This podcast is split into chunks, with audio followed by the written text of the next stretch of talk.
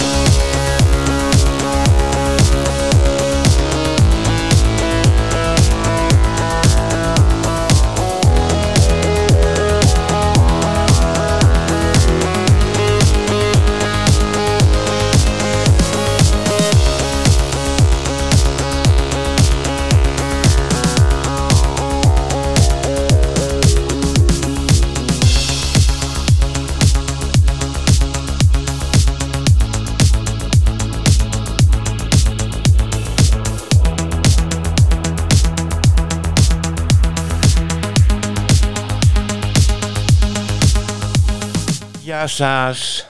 Άλλο ένα παραλαφούς ξεκινάει με την Πάολα Ρεβενιώτη. Στην αρχισυνταξία ο Τάκης Κουρκουρίκης και στον ήχο η Χαρά Στόκα.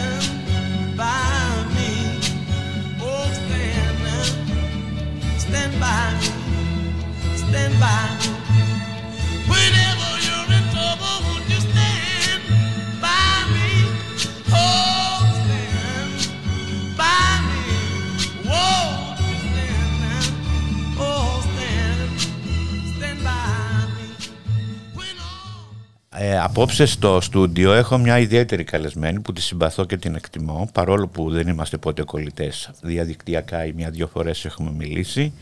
Είναι σκηνοθέτηδα, χορογράφος, ηθοποιός, η Φένια Αποστόλου. Σε ευχαριστώ πάρα πολύ που ήρθες εδώ σήμερα. Και εγώ Παόλα μου που με κάλεσες. Είμαι πολύ χαρούμενη που θα κάνουμε αυτή τη συζήτηση. Έχεις κάνει πολλά πράγματα. Ναι, πράγματι έχω κάνει, ναι. Για πες μου. Ε, Κοίτα, εγώ πόσο θυμάμαι τον εαυτό μου, πάντα πήγαινα αγκαζέ με την τέχνη. Ε, καταρχήν να σου κάνω μια ναι. ερώτηση, ναι, ας ναι. πούμε, σαν τρανς, είναι δύσκολο ε, να σαν καλλιτέχνης να μπορέσεις να κάνεις πράγματα στην Ελλάδα; Ανοίγονται πόρτες. Υπάρχει δυσκολία γενικά, όμως να πω ότι εγώ δεν ξεκίνησα ως τρανς καλλιτέχνηδα. Είχα ήδη μια πορεία πίσω μου στο προηγούμενο φύλο, οπότε είχα χτίσει κάποια πράγματα. Δεν, θα, δεν μπορώ να καταλάβω, γιατί δεν έχω την εμπειρία, εάν πρωτοέβγαινα στο χώρο σαν τρανς και δεν είχα την προϋπηρεσία που είχα, αν θα μου ήταν πιο δύσκολα ή πιο εύκολα. Ε, Παρ' όλα αυτά, ε, ας πούμε κάποια κονδύλια, κάποια, κάποιες ε, προτάσεις, ε, αν δεν τις χρηματοδοτήσεις μόνη σου και δεν είσαι εσύ παραγωγός, δεν έρχονται εύκολα όταν είσαι δημιουργός. Σαν ηθοποιός μπορεί να σου έρθουν προτάσεις, αν, αλλά αν θες να είσαι δημιουργός, συνήθως ε, για να φανεί το έργο σου θα πρέπει να αυτοχρηματοδοτηθείς. Για πες μου μερικές δουλειές που έχεις ε, σκηνοθετήσει. Λοιπόν, ε, έχω κάνει το Πελεκάνο του Στρίντμπεργκ ε, το 2014, 40 παραστάσεις, ένα φεστιβάλ ε, στην αρχή θεατρικών συνθέσεων του Beton 7 και μετά στο Από Μηχανής Θέατρο. Μετά έπαιξα το Other Side του Ντεγιάν Ντουκόφσκι, μεταπολεμικό δράμα. Για μετά το πόλεμο της Ιουγκοσλαβίας, τέσσερις άνθρωποι προσπαθούν να ξεπεράσουν τα τραύματα του πολέμου και είχα και δύο χορευτές μέσα, έξι άτομα θείασος. Αυτό παίχτηκε στο Βόλ 35 παραστάσεις και μετά την επόμενη χρονιά το πήγαμε περιοδία σε τέσσερα διεθνή φεστιβάλ, Φιλιππούπολη, Σκόπια, Βελιγράδι, Τεριέστη και Διπεθέ Πάτρας. Και μετά έκανα το κάλεσμα της Λωρίν, ένα κοινωνικό έργο που παίχτηκε δύο χρονιές, το 2018, στο Small Αργό, στο Θέατρο Αργό, στην Κάτω Σκηνή και μετά στο 104. Ε, και έκανα και ένα χωροθέατρο που είχε και πρόζα και χορό, τη Βαλπούργη, ιστορία μιας μάγισσας, που παίχτηκε γύρω στις 28 παραστάσεις στο Όλβιο και μετά δύο παραστάσεις στα Γιάννενα. Αλλά παράλληλα είχα και χορευτικά έργα, τα οποία τα κάναμε περιοδίες σε φεστιβάλ του εξωτερικού και στην Ελλάδα. Δηλαδή, έχω συμμετάσχει στο Dance Days Χανιά τέσσερις φορές με τέσσερα διαφορετικά έργα. Ε, στο Ionian Dance Festival ε, κάπου πέντε φορές με πέντε διαφορετικά έργα. Ε, και έχω πάει και στο εξωτερικό. Ας πούμε έχουμε πάει με τους τρεις και στην Πράγα, στο Pro Art Festival και έχουμε πάει και στο, ε, με το Chair Tragedy στην Αλμάντα στην Πορτογαλία και στη Βενετία. Γενικά εγώ δεν μπορώ να με, να, να με προσανατολίσεις κάπου συγκεκριμένα. Δηλαδή είμαι ένας άνθρωπος που μου αρέσει να δοκιμάζω με, με πολλά είδη και η βάση μου βέβαια είναι η δημιουργία. Και τώρα τελευταία από ό,τι μου έλεγες πριν, σ' αρέσει το... να είσαι και ηθοποιός. Μου αρέσει πολύ να είμαι και ηθοποιός. ναι. Το 2015 και το 2016 έκανα ένα μονόλογο που το έγραψε ο Δημήτρης Σοφινίτης και λέγεται Μπέλ Ελένη, αιώνια τραγουδία της Ελένης. Και ήταν μεγάλη σπουδή γιατί έπαιξα μόνη μου μία ώρα επί σκηνής. 40 παραστάσεις παίχτηκε. Στην αρχή στο Απομηχανή Θέατρο και μετά το πήγαμε Ηράκλειο, Κρήτης, στο Διπεθέ Λαμία στο Φεστιβάλ Μονολόγων. Ε, το πήγαμε στο Gay Island Theatre Festival στο Δουβλίνο που έπαιξε 8 παραστάσεις. Στο High Fest of Performing Arts στην Αρμενία. Ε, το πήγαμε Πάτρα, το πήγαμε Θεσσαλονίκη, το πήγαμε Ρόδο, το πήγαμε Κέρκυρα. Γενικά το χάρηκα πολύ αυτό το έργο. Να ακούσουμε ένα τραγούδι και μετά να μιλήσουμε λίγο για σένα. Ναι, ναι αμέ.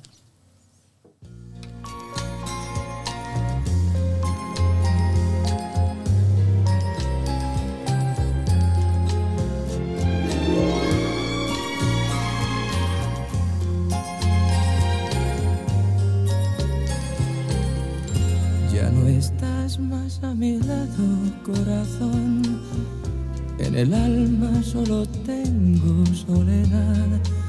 Y si ya no puedo verte, ¿qué poder me hizo quererte para hacerme sufrir más? Siempre fuiste la razón de mi existir.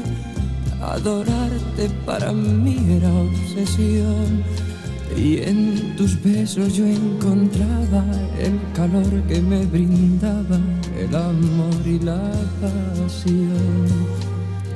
Es la historia de un amor como no hay otro igual, que me hizo comprender todo el bien y todo el mal, que le dio luz a mi vida, apagándola después Ay, qué vida tan oscura, sin tu amor no viviré. Ya no estás más a mi lado, corazón. En el alma solo tengo soledad. Y si ya no puedo verte, ¿qué poder me hizo quererte para hacerme sufrir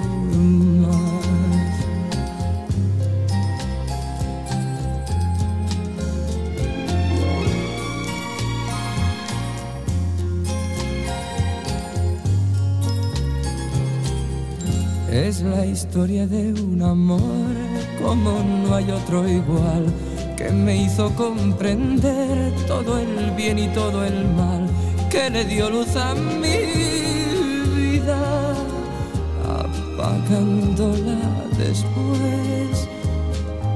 Ay, qué vida tan oscura, sin tu amor no viviré. Ya no estás en el alma solo tengo soledad. Y si ya no puedo verte, qué poder me hizo quererte para hacerme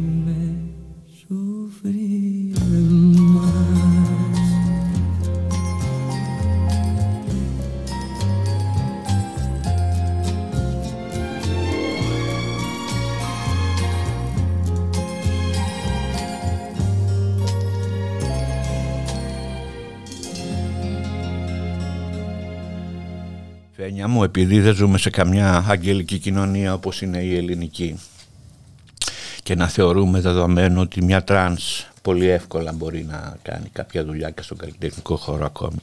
Ας μιλήσουμε λίγο για σένα, ναι. Πού μεγάλωσες, για πες μου λίγο για τα παιδικά σου χρόνια, τη μετάβαση αργότερα, πώς ανακάλυψες τον εαυτό σου. Ωραία, με μεγάλη μου χαρά. Να στα αποκαλύψω όλα αυτά και...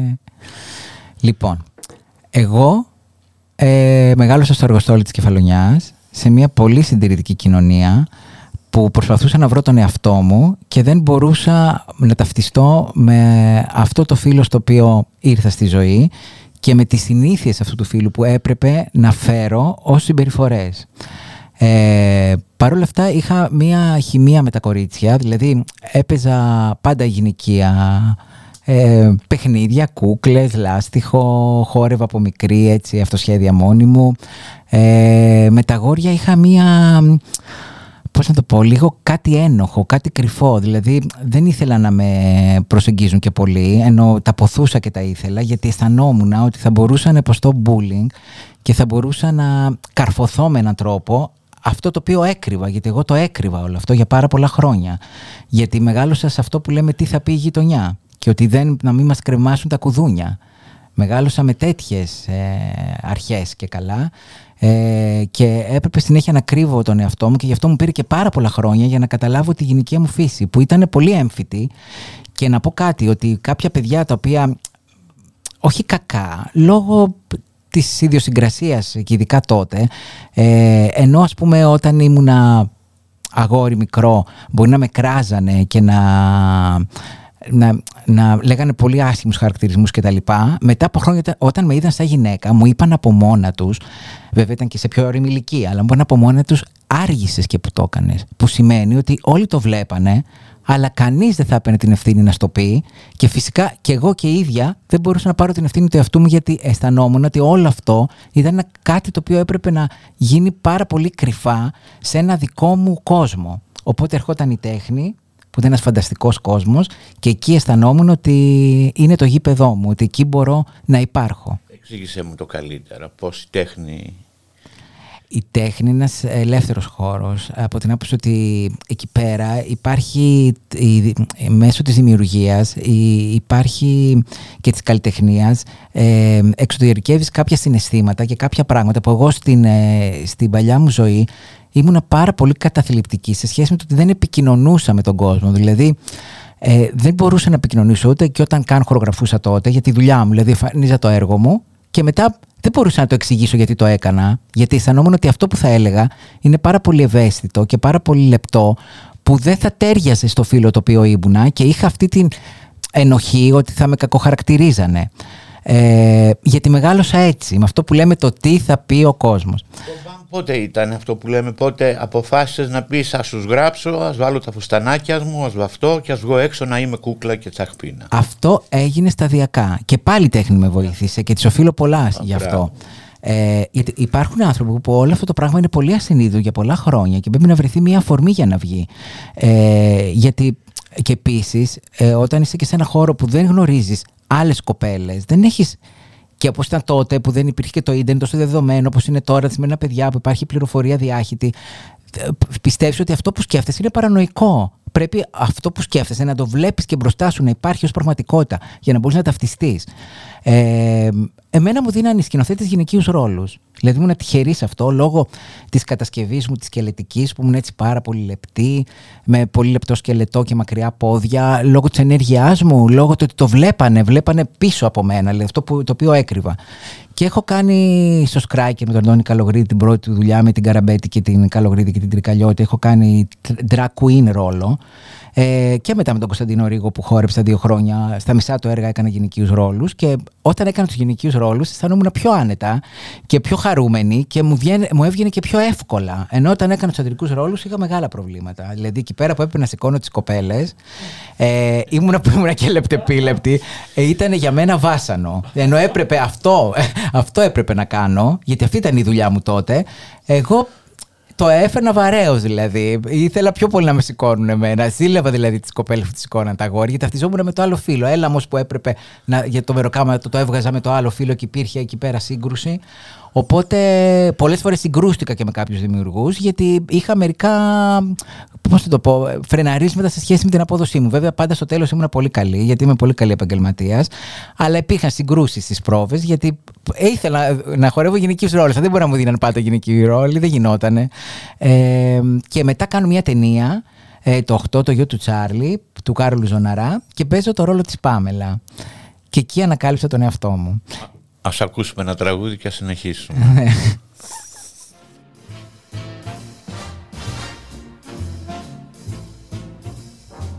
I love Paris in the springtime. I love Paris in the fall. I love Paris in the winter when it drizzles. I love Paris in the summer when it sizzles. I love Paris every moment. Every moment of the year. I love Paris. Why, why do I love Paris? Because my love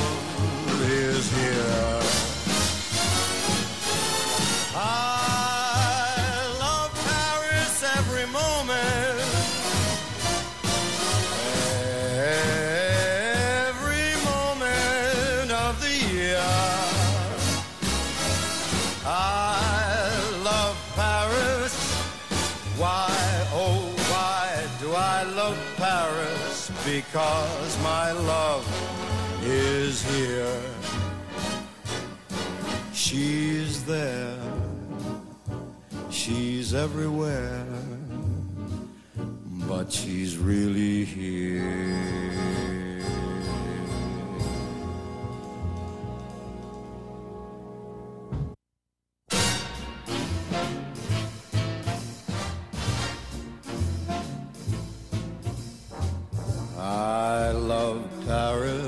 In the springtime. I love Paris in the fall. I love Paris in the winter when it drizzles. I love Paris in the summer when it sizzles. I love Paris every moment.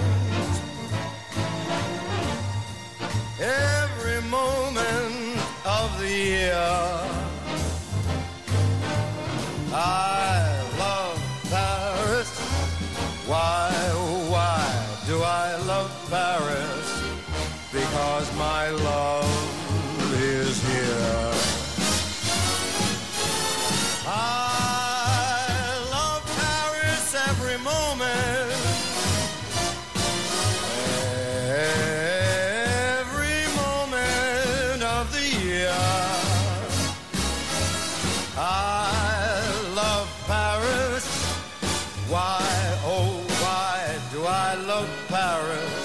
Because my love is here. She's there. She's everywhere. But she's really here.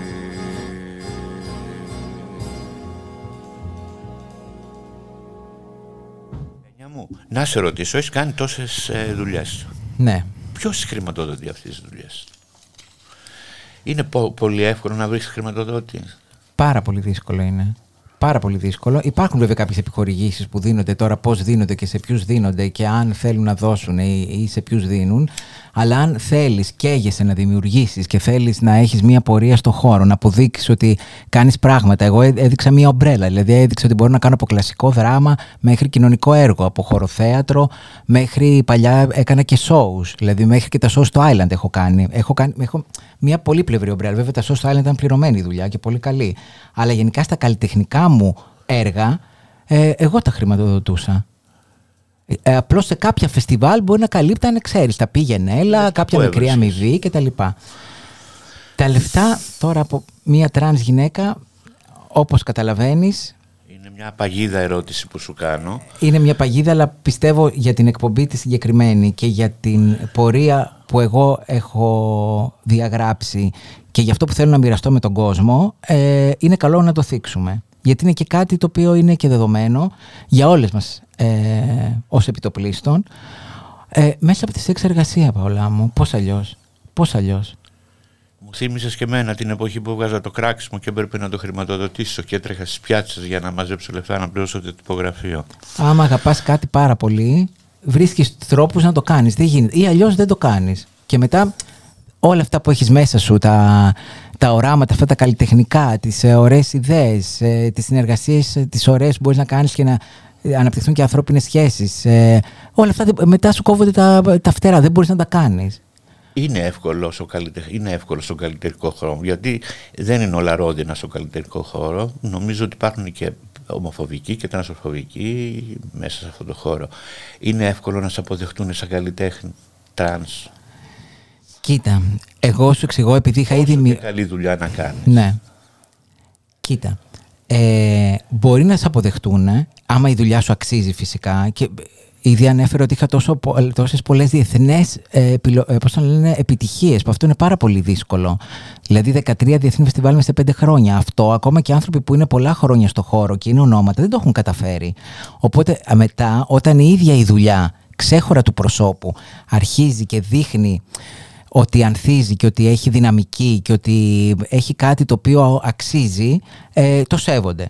Το θέμα είναι το κρατικό χρήμα, αν θα το δίνανε ποτέ σε μια τρανς γυναίκα. Εκεί είναι το πρόβλημα, που ουσιαστικά έργα μπορούν να γίνουν μόνο με το κρατικό χρήμα, με τις επιχορηγήσεις. Εκεί νομίζω υπάρχει μεγάλη δυσκολία ακόμα. Ελπίζω να ξεπεραστεί σιγά σιγά και θα πρέπει πιστεύω ότι αυτό που μετράει είναι το έργο, όχι το πρόσωπο. Δηλαδή, δεν εννοώ να είσαι κακοποιός και να κάνεις πράγματα που είναι παράνομα. Εννοώ ότι, να μην, ότι το έργο διαφέρει από, την σεξουαλικό, από το σεξουαλικό πρωτα- ε, προσανατολισμό ή την ταυτότητα φίλου του δημιουργού. Φεύγει, είναι άλλο. Φεύγει, φεύγει από, από το πρόσωπο και ανη- μετά ανήκει στον κόσμο.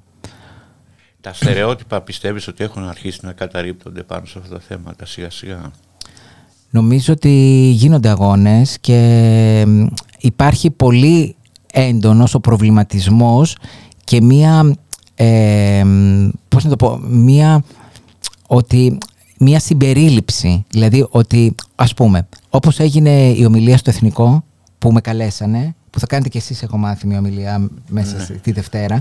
Δευτέρα Ε, είναι, ναι, ναι. τη Δευτέρα. Έγινε το, η πρώτη ομιλία είχε θέμα το ελληνικό θέατρο στο Me Too. Και ήμουνα η μόνη τρανς καλλιτέχνηδα που καλέσανε, που αν δεν είχα κάνει όλη αυτή την πορεία και αν δεν είχα χρηματοδοτήσει όλα αυτά τα έργα και δεν είχα αποδείξει ότι μπορώ να είμαι μέσα σε ένα θεατρικό ε, περιβάλλον εισάξιο, δεν θα με καλούσαν Πάολα μου ποτέ. Δεν θα με καλούσαν. Εγώ με καλέσανε μετά από τόσα χρόνια. Και επίσης, αν η εποχή δεν ήταν τώρα με τα ανθρώπινα δικαιώματα, με τη συμπερίληψη, με το ότι τρανς άνθρωποι πρέπει να μην αποκλείονται, δεν θα ήμουν καλεσμένη. Βέβαια, έχουμε έναν πολύ φωτεινό διευθυντή του Εθνικού, ε, ο οποίος και ίδιος έκανε το coming out του, ο Γιάννης ο Μόσχος, που το θεωρώ ότι είναι, δεν έχει ξαναγίνει αυτό. Το θεωρώ τρομερή καινοτομία. Και αυτό που θα γίνει και με εσάς, με τη συζήτηση που είναι η ταυτότητα φίλου και ο σεξουαλικός προσανατολισμός, αλλά και αυτό που καλέσανε μία τρανσέξουαλ στην κεντρική σκηνή του Εθνικού να μιλήσει με δίπλα που ήταν Καμπουτζίδη, Ρενιά Λουιζίδου, Άκυλε Καραζής, δηλαδή πολύ σημαντικούς ανθρώπους. Αλλά η δουλειά μου είναι σημαντική. Και όπως προανέφερα όλα αυτά που έχω κάνει, έχω κάνει πράγματα πολύ σημαντικά. Δεν μπορούν αυτά να διαγράφονται επειδή η δημιουργός είναι τρανσέξουαλ. Είναι άδικο. Είναι άδικο και είναι θετικά όλα αυτά. Να ακούσουμε άλλο ένα τραγουδάκι. Ναι, ναι.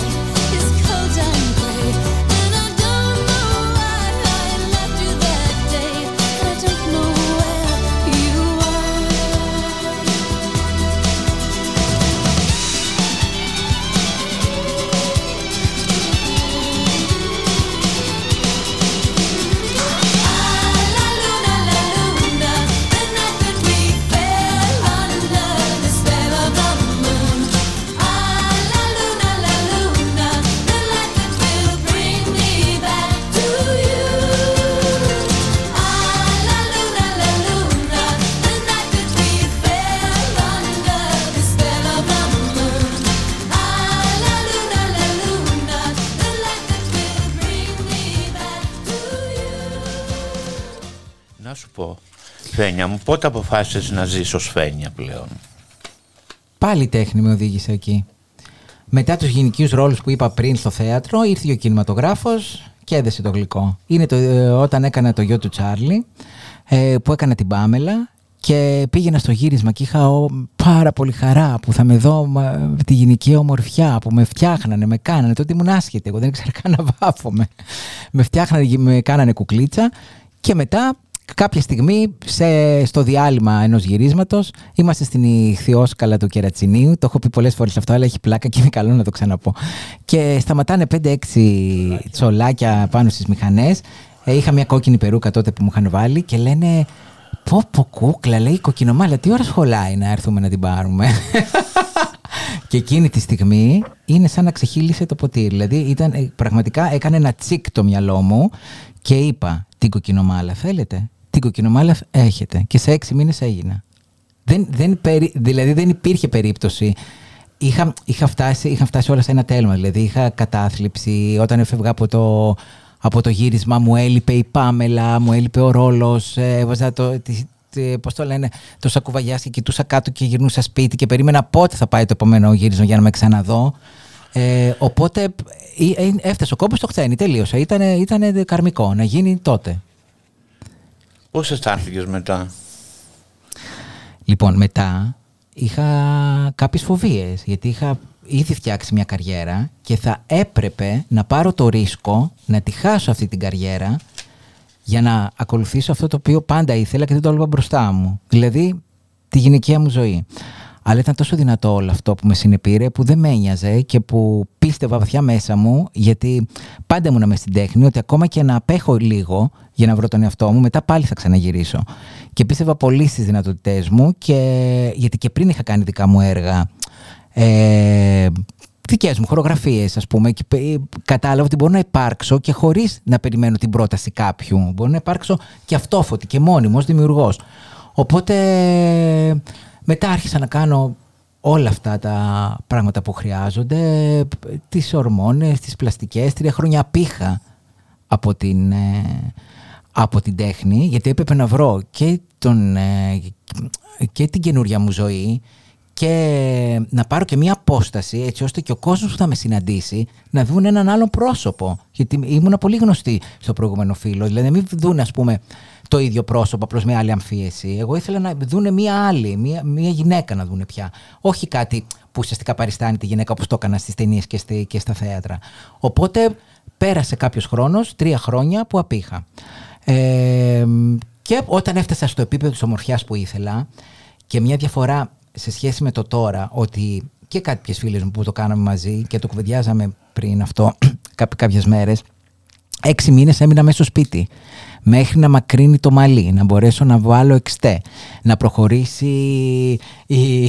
να προχωρήσουν τα λέιζερ, να πιάσουν οι λατσές, να γλυκάνω. Έξι μήνες έμεινα μέσα στο σπίτι και την πρώτη φορά που βγήκα, που ουσιαστικά είχα αρχίσει ήδη να έχω αυτή τη γλυκάδα και αυτή τη γυναική ομορφιά, πάλι είχα την οχή και τη φοβία, μην καρφωθώ, μην ε, φαίνομαι κτλ. Ενώ τώρα, τη σήμερα ημέρα, όποιος άνθρωπος αισθανθεί ότι ανήκει κάπου, μπορεί ακόμα και με ένα φόρεμα να βγει έξω να περπατήσει και να αισθανθεί, βέβαια εξαρτάται και την προσωπικότητα, αλλά να αισθανθεί ότι μια δυναμική ότι εγώ αυτό είμαι και αν θέλετε με δέχεστε και αν θέλετε με δέχεστε. Βέβαια έχει να κάνει, σας είπα ότι μεγάλωσα και με κάποια πρότυπα πολύ συγκεκριμένα, τα οποία αυτά ριζώνουν μέσα σου. Δηλαδή η φοβία της γειτονιάς, του κόσμου και της κοινωνίας μετά από κάποια χρόνια σαν φαίνια τα ξεπέρασε εντελώς.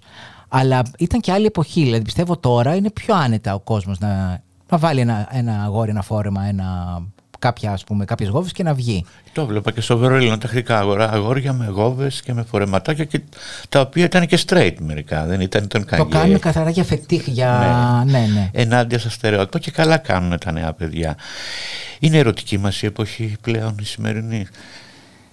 Είναι σεξουαλική, ερωτική δεν νομίζω. Γιατί, επειδή όλα γίνονται γρήγορα και μέσα από το ίντερνετ μπορείς να βρεις το σεξ πάρα πολύ εύκολα. Ε, Έχεις βέβαια μια τρομερή ελευθερία σε σχέση με παλιά, αλλά αυτό πάντα όταν κάτι χάνεις, πάντα όταν κάτι κερδίζεις, κάτι χάνεις. Δηλαδή, ο ερωτισμός παλιά, επειδή όλα γινόντουσαν πιο αργά, με πιο αργά βήματα, περνούσε από, από ένα φλερτ, από, από ένα καρδιοχτύπη, να δεις τον άλλο, να τον ξαναδείς.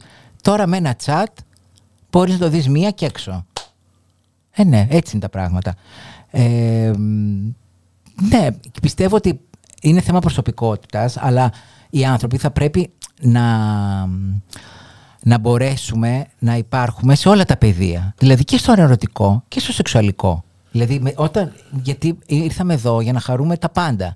Γιατί να στερούμαστε κάποια πράγματα. Βέβαια, κάποιες εποχές είναι πιο κοντά σε κάποια πράγματα και πιο μακριά σε άλλα. Αλλά εξαρτάται και από εμάς τους ίδιους. Με τον τρόπο που ζούμε και συμπεριφερόμαστε. Να ακούσουμε άλλο ένα τραγούδι.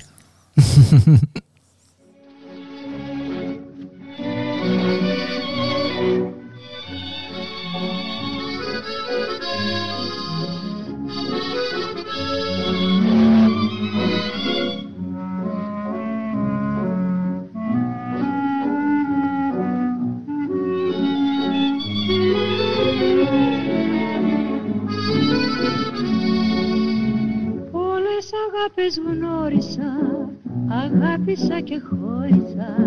Μα όπου κι αν γυρνώσα, εσένα ζητούσα. Στα όνειρα τα χείλια μου, σε γύρευαν τα χείλια μου. Σε γύρευε η ψυχή μου και η πότη κρυφή μου Πόσο λυπάμαι τα χρόνια που πήγαν χαμένα πριν να γνωρίσω εσένα που πρόσουμε ένα καιρό. Μα πως φοβάμαι πως ίσως μια μέρα σε χάσω. Γιατί να σε ξεχάσω ποτέ δεν θα βρω. Γύρε κοντά μου αγάπη γλυκιά μου Θέλω ακόμα ξανά να σου πω Πόσο φοβάμαι πως ίσως μια μέρα σε χάσω και πως να σε ξεχάσω που τόσο σ' αγαπώ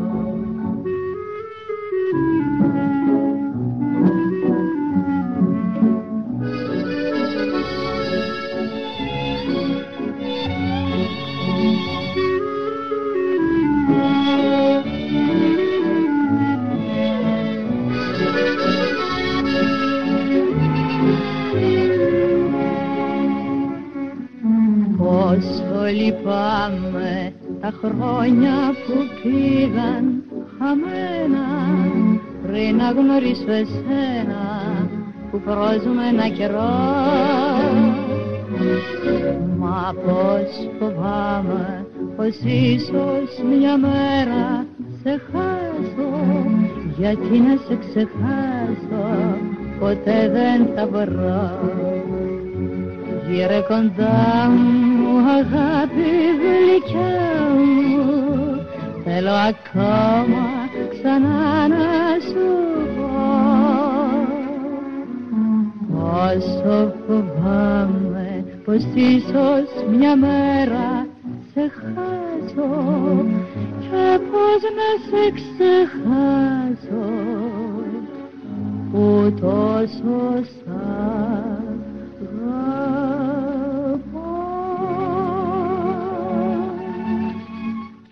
Εφένια μου, τι κάνεις αυτή την περίοδο; Λοιπόν, αυτή την περίοδο είμαι πολύ χαρούμενη γιατί δύο χρόνια με τον κορονοϊό δεν έκανα τίποτα. Ε, και βέβαια πριν είχα κάνει κάτι πολύ σημαντικό. Έκανα μια ταινία που γυρίστηκε το 19 και βγήκε πέρυσι στα θερινά σινεμά με το που ανοίξαν θερινά σινεμά. Ε, μια ταινία που λέγεται Πρόστιμο και κάνω το ρόλο της Βέρας ε, που είναι μια σεξ εργάτρια ε, και που χάρηκα πάρα πολύ τη διαδικασία που μαθήτευσα και έμαθα πώς να παίζω κινηματογραφικά έναν ρόλο γιατί είχα περισσότερη εμπειρία στο θέατρο και πιο μικρότερους ρόλους στον κινηματογράφο στις προηγούμενες ταινίες που είχα κάνει ενώ ήταν ένας δεύτερος γυναικείος ρόλος που ήταν μεγάλος έκταση και με δούλεψε ο Φωκίων Ομπόγρης ο σκηνοθέτης πάρα πολύ σωστά και βγήκε ένα πολύ ωραίο αποτέλεσμα και είναι και μια ταινία που πήγε και εμπορικά πάρα πολύ καλά και που ενώ τόσα χρόνια έχω κάνει τόσα πράγματα, δύο φορές με αναγνώριζε ο κόσμος στον δρόμο. Από το Σκράικερ με τον Καλογρίδη, ε, το 2000 ο Μιλένιου τότε που ας πούμε παίζαμε καθημερινή και ήταν στο πόρτα 180 άτομα, ήταν στην καθημερινή της Τετάρτης. Και όταν μιλάμε 500 ήταν Σάββατο Κυριακή και, και στο πρόστιμο. Δηλαδή σε αυτά, σε αυτά τα δύο έργα, ας πούμε, είχα την αναγνώριση. Ε, και μετά γλυκάθηκα που έπαιξα στο σινεμά και έκανα και το καλοκαίρι μια σπουδαστική ταινία ε, του Λευτέρη Βοκά που λέγεται Ροξάνη και θα βγει με τον καινούριο χρόνο. Ε, και ένα ντοκιμαντέρ που λέγεται Λεβάντα και έχει να κάνει με συνεντεύξεις από 16 εκπροσώπους της ΛΟΑΤΚΙ κοινότητας. Ε, και το έκανε ένας κεφαλονίτης, ο Μάκης Ευαγγελάτος ε, και αυτό θα βγει πάλι την καινούργια χρονιά. Οπότε είμαστε σε αναμονή για κάτι καινούργιο δικό μου. Τώρα έχω περάσει στην οντισιόν στη δεύτερη φάση γιατί πήγα στη λυρική για τη στρέλα που θα γίνει σε όπερα. Ε, και είμαστε σήμερα, έχουν επιλέξει, πήγαμε 12 κοπέλες, επιλέξανε 6 και σήμερα είχαμε την πρώτη μέρα του workshop. Μετά από αυτό το τριήμερο workshop που θα γίνει σήμερα, που έγινε αύριο και μεθαύριο, θα επιλέξουν ποιες τρεις, γιατί ουσιαστικά τρεις είναι οι τρανς ρόλοι, από τις έξι θα παίξουν στη, στην όπερα.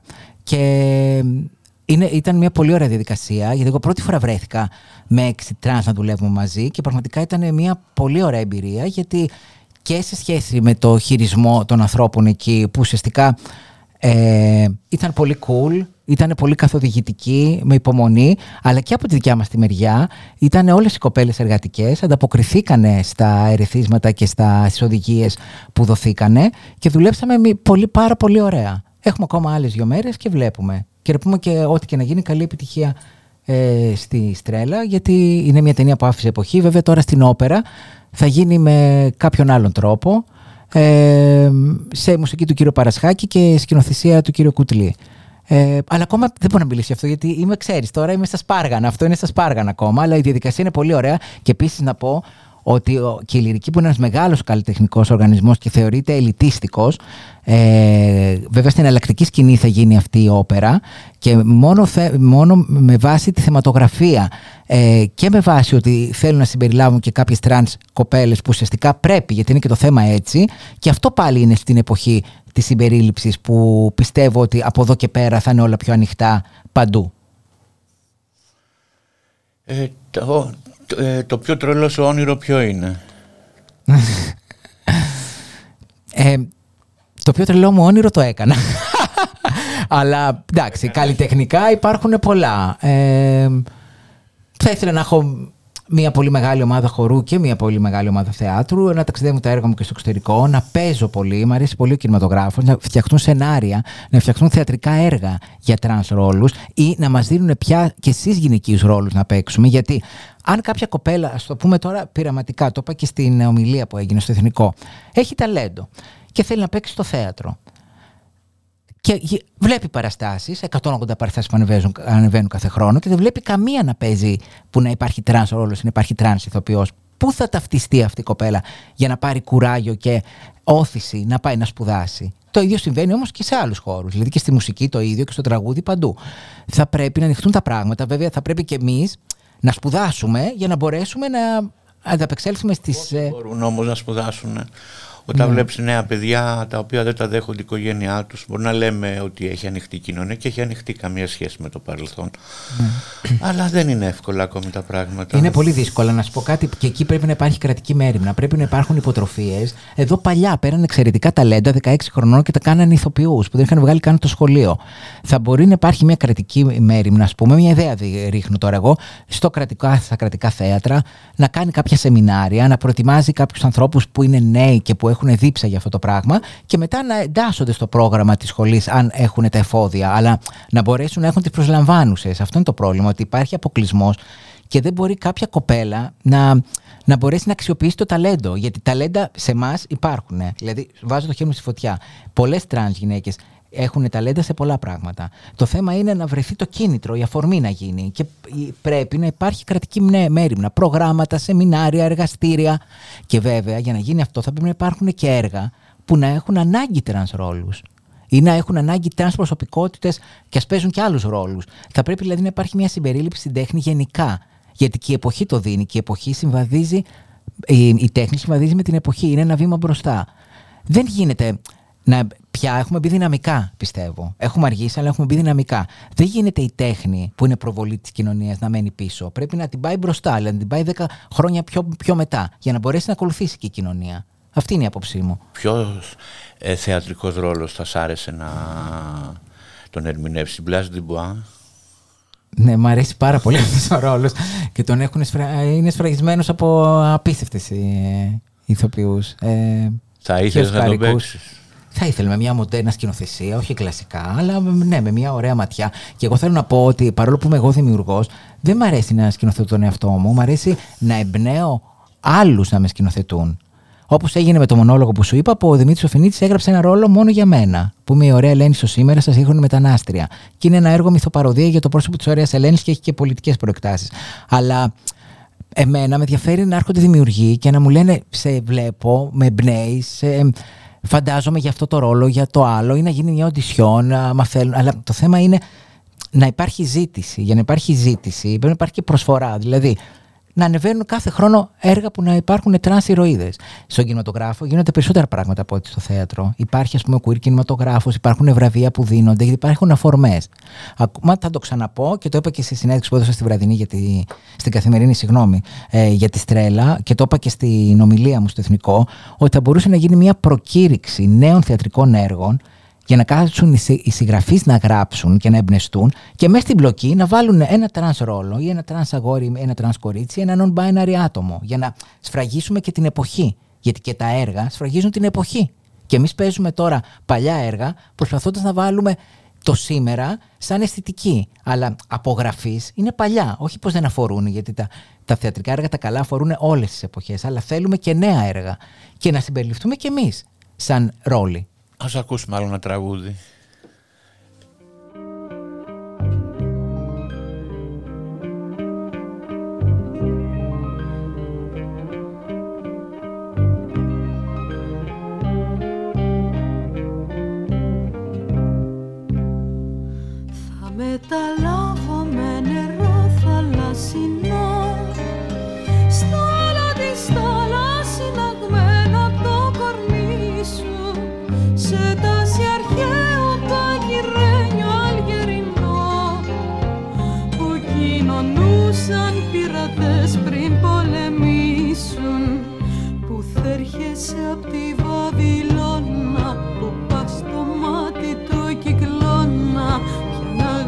Αγαπάς κάποια τσιγκάνα πως τη λένε φάτα μοργάνα.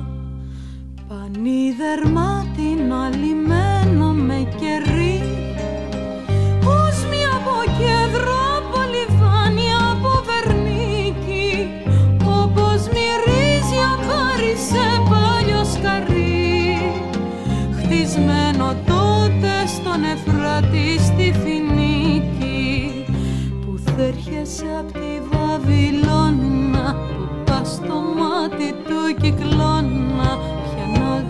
αγαπάς κάποια τσιγκάνα πως τη λένε φάτα μοργάνα Σκουριά πυρόχρωμη στις μίνες του Σινά. Οι κάβες της Γερακινής και το Στρατόνι. Το επίχρισμα η Άγια σκουριά που μας γεννά. Μας τρέφει, τρέφεται από μας και μας σκοτώνει Που θέρχεσαι απ' τη Βαβυλώνα Που πας στο μάτι του κυκλώνα Πια να αγαπάς κάποια τσιγκάνα Πώς τη λένε φάτα μοργάνα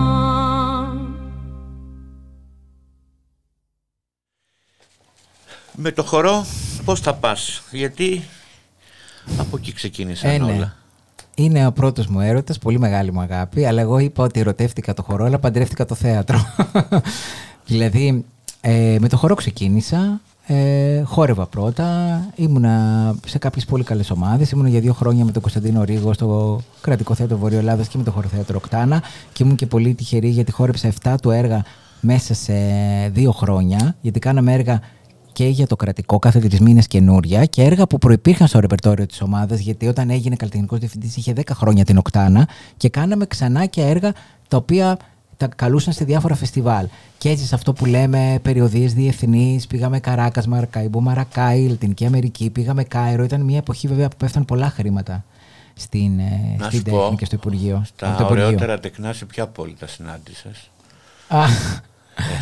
Α, και ομορφιά υπάρχει παντού. Ομορφιά υπάρχει παντού. Και εμένα μου αρέσουν οι Έλληνες. Και οι Ιταλοί, λίγο ξέρεις αυτό το μεσογειακό. Αλλά και βόρεια μπορώ να πω. Δεν, δεν έχω πρόβλημα, ούτε παράπονο. Δηλαδή και, και Άγγλοι μου αρέσουν. ε. Δεν έχει να κάνει. Έχει να κάνει όχι με την εθνικότητα, με την ομορφιά.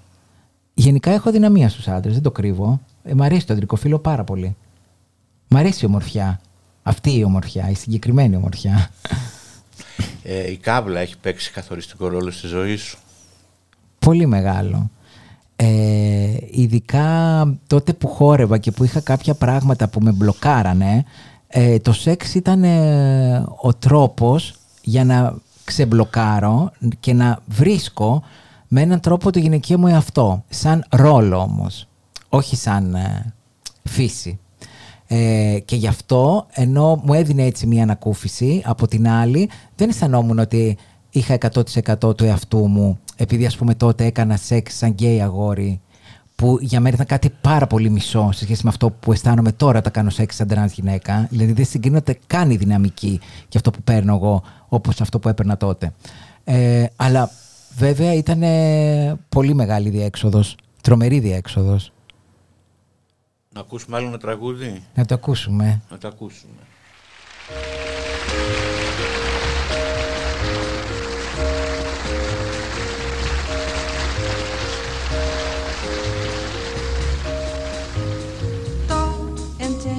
Young and lovely. The girl from Ipanema goes walking, and when she passes each one,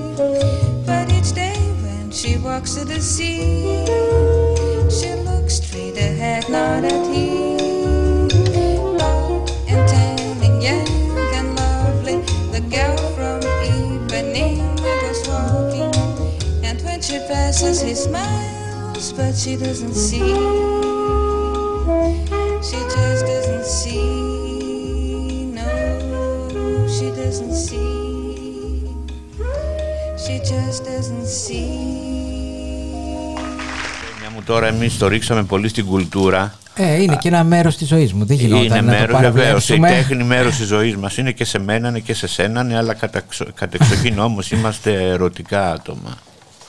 Είμαστε νομίζω. Παολά μου.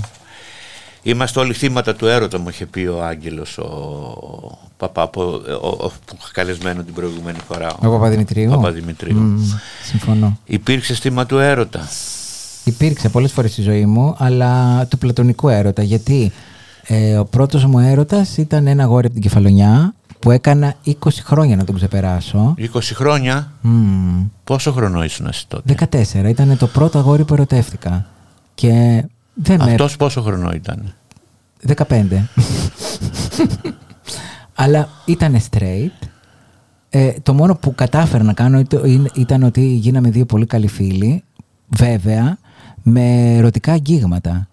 Οπότε εκεί είναι το παράδοξο. Δηλαδή, σε μένα είναι τόσο. Γιατί θέλω να πω ότι όταν υπάρχει ένας ερωτισμός, ακόμα και στην πιο συντηρητική κοινωνία, θα βρεθεί ο χρόνος που αυτοί οι δύο οι άνθρωποι θα μείνουν μόνοι τους και θα, φ- ε, δω- θα δείξουν την αγάπη τους ο ένας προς τον άλλον, ακόμα και αν ο άλλος είναι αντίθετος σεξουαλικού προσανατολισμού. Γιατί η αγάπη δεν έχει να κάνει πάντα με, το, με τη σεξουαλικότητα.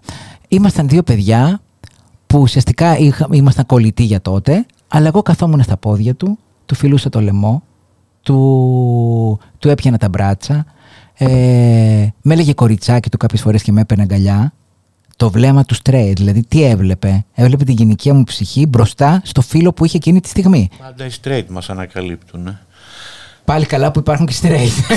Γιατί τελειώς θα ήμασταν όλες φιλενάδες και, και θα παίζαμε τις κούκλες. Ε, δεν είναι εκνευριστικό όμως να μπαίνει στο ίντερνετ ενώ να έχουμε κάνει. Δεν, λέω για, ε, ε, για μένα που είμαι πιο παλιά γενιά, λίγο boomer. Ε, τα νέα παιδιά, τα καινούργια, όταν μπαίνουν μέσα στο ίντερνετ όμως και το πρώτο πράγμα που τους ρωτάνε είναι πόσο τον έχεις. Ε, αυτό σου λέω. Αυτός ο ερωτισμός είναι δια- πολύ διαφορετικός. Δηλαδή εκεί εμείς δεν κάναμε τίποτα, αλλά ήταν όλο αυτό. Αν, αν κάποιος το μαγνητοσκοπούσε, έβλεπε μια πραγματικά ερωτική ε, ταινία. Όχι σεξουαλική, όχι τσόντα. Ερωτική ταινία με, ένα- με έναν ερωτισμό, αγνό, απλό. Α, ε, βέβαια αυτό δεν κατέληξε πουθενά. Και όσο μεγάλωνε αυτός, τόσο απομακρυνόταν από μένα. Εγώ έφυγα μετά από την κεφαλονιά. Ήταν δραματικό. Μου έμεινε αποθυμένο να το πω και να το εξομολογηθώ αυτός ο άντρας.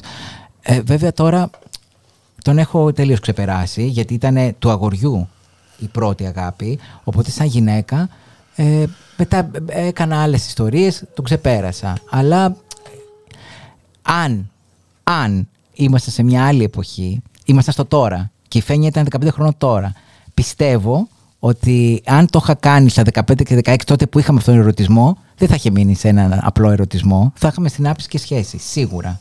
Γιατί τον ενδιαφέρει η γυναική ομορφιά. Οπότε εγώ δεν την είχα, δεν τηρούσα αυτές τις προϋποθέσεις. Δεν, δεν, τηρού- δεν τηρούσα αυτό το οποίο ήθελε αυτός, οπότε δεν γινόταν να προχωρήσει κάτι.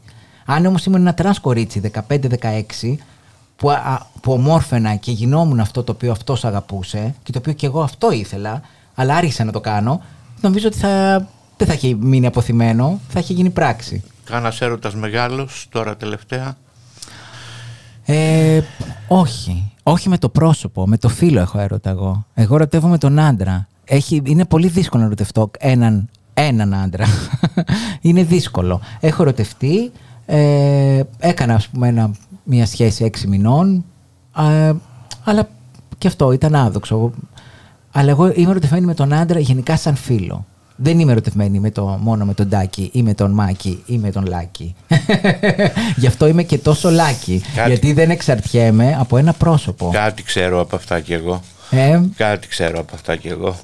Είναι εύκολες σχέσεις όμως. Μένουν τα αγόρια μαζί με τις τρανς. είναι πάρα πολύ δύσκολο. Έχουν έλξεις, όλοι έχουν έλξεις, ειδικά Αυτό. στις μέρες μας. Ναι. Όλοι πεθαίνουν. Ε, και έτσι όπως έχει προχωρήσει και η πορνογραφία και τα λοιπά και άμα δεις ότι λένε στατιστικά ότι τα περισσότερα views στις τσόντες είναι αυτές, αυτά που έχουν τρανς. Δεν πιστεύω να το βλέπουν οι γυναίκες. Άντρες τα βλέπουν αυτά και γίνεται τα views Ναι, πάνε στο αλλά Θεό. μία τρανς όμως συνήθως περισσότερες που πηδάει. Ναι, αυτό δεν έχει να κάνει με το τι ρόλο έχει να κάνει. Δηλαδή, η σχέση δεν έχει να κάνει με το ρόλο, γιατί πια πηδάνε και γυναίκες. Να Ναι. το πούμε αυτό. Υπάρχουν γυναίκες και παντρεμένα ζευγάρια και το έχω ακούσει απ- σε όλη την Ελλάδα και στην Κύπρο. Δεν είναι δηλαδή ότι είναι της πρωτεύουσας ε, χούι, που οι γυναίκες πια έχουν γίνει ενεργητικές και γουστάρουν. Ή ότι πι- κάνουν την πράξη με ένα όργανο, ή ότι ουσιαστικά παίζουν με την άλλη πλευρά του άντρα που τόσα χρόνια δεν παίζανε. Οπότε αυτό σημαίνει ότι και τα δύο φύλα τα θέλουν, το θέλουν. Οπότε, αν το κάνει γυναίκα, η cis γυναίκα αν το κάνει αυτό, η τρανς γυναίκα που υποτίθεται έχει, η διεμφυλική που έχει το όργανο, δεν γίνεται να μην το κάνει, να το αποφύγει, γιατί ο άντρας το θέλει. Μπορούμε να το πούμε αυτό. Βάζω το χέρι μου στη φωτιά. Ο σύγχρονος άντρας το θέλει. Να ακούσουμε άλλο ένα τραγούδι.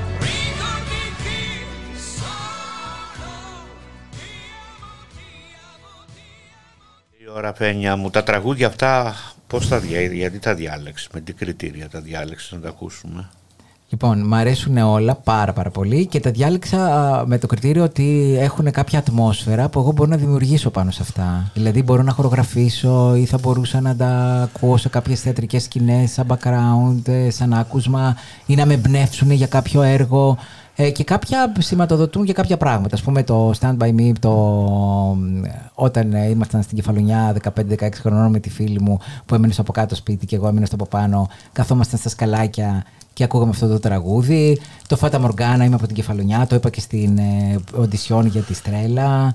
Ε, ναι, και γενικά έχουν έτσι ρετρό διάθεση, γιατί μου βγάζουν ένα ρομαντισμό και κάτι, κάποια ακούσματα που ουσιαστικά μου αρέσει να εξερευνώ κάποιες εποχές που δεν τις έχω ζήσει, αλλά όλοι πιστεύω έχουμε τα πάντα μέσα μας και χρειάζεται τα ερεθίσματα για να βγουν προς τα έξω. Και επικοινωνώ με αυτά τα τραγούδια καλλιτεχνικά και με τις ατμόσφαιρες πιο πολύ. Πέρασε η ώρα. Σε ευχαριστώ Τι πάρα κρίμα, πάρα. πέρασε υπέροχα, Ε, αγάπη θα μου. μπορούσαμε να πούμε περισσότερα. Αλλά είναι μία ώρα η εκπομπή. Ε, θα πούμε και θα κανονίσουμε και κάμια άλλη εκπομπή. Ε, σε ευχαριστώ πάρα πολύ που Και εγώ πολύ, με πολύ. τίμησε σήμερα εδώ. και εγώ που με κάλεσες. Ε, Την άλλη πέμπτη τα ξαναλέμε. Καλό σας βράδυ. Με Δαλιδά που σ' αρέσει πάρα πολύ. Πολύ, τη λατρεύω σε καλλιτέχνη. Tico tico par-ci, tico tico par-là, dans tous ces vies on n'entend plus que ces noms-là. Il passe par ici, il va passer par là, comme il est bon dans son costume de gala. Coiffé d'un sombrero, les cuisses bien à plat, sur son cheval il se promène à petits pas. De sa moustache en gros, lui serait de gomina, il fait rêver tous les gibbons de la Rambla. On dit tout pas que son grand père était corsaire, qu'il faisait la traite de noir à Buenos Aires? Et patati et patata dans la maison qu'il habite à tous les gradins de l'Alcala et des Pilas. Tico tico devient l'unique légataire, de son magot, de son cheval et de ses terres. Il peut garder devant chaque son sombrero, c'est un vrai cavallero, tico tico. Tico tico par-ci, tico tico par-là, dans tous ces vies on n'entend plus que ce nom-là. Il passe par ici, il va passer par là, comme il est bon dans son costume de gala. Coiffé d'un sombrero, les cuisses bien à plat, et son cheval il se promène à petit pas. De sa moustache en gros, lui c'est de gomina, il fait rêver tous les gibbons de la Rambla.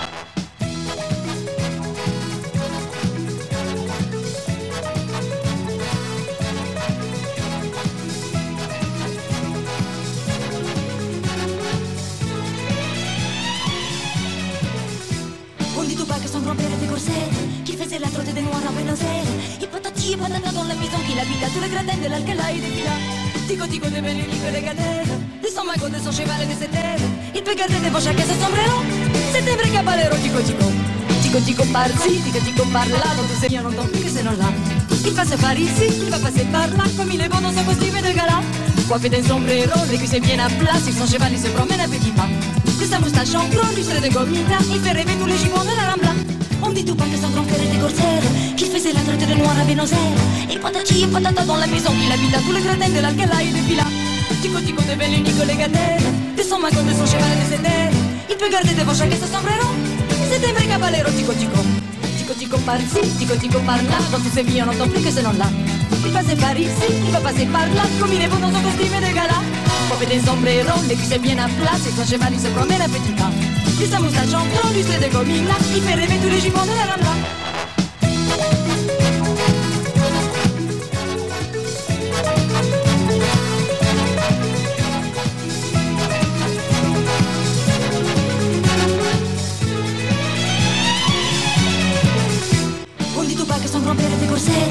Faisait la trotte des noirs à Buenos Aires. Et patati et patata dans la maison qu'il habite à tous les gradins de l'Alcala et des Pilas. Tico tico devient l'unique légataire, de son magot, de son cheval et de ses. Il peut garder devant chacun son sombrero, c'est un vrai cavallero, tico tico. Tico tico par-ci, tico tico par-là, dans tous ces vies on n'entend plus que ce nom-là. Il passe par ici, il va passer par là, comme il est bon dans son costume de gala. Coiffé d'un sombrero, les cuisses bien à plat, et son cheval il se promène à petit pas. De sa moustache en gros, lui c'est de gomina, il fait rêver tous les gibbons de la Rambla.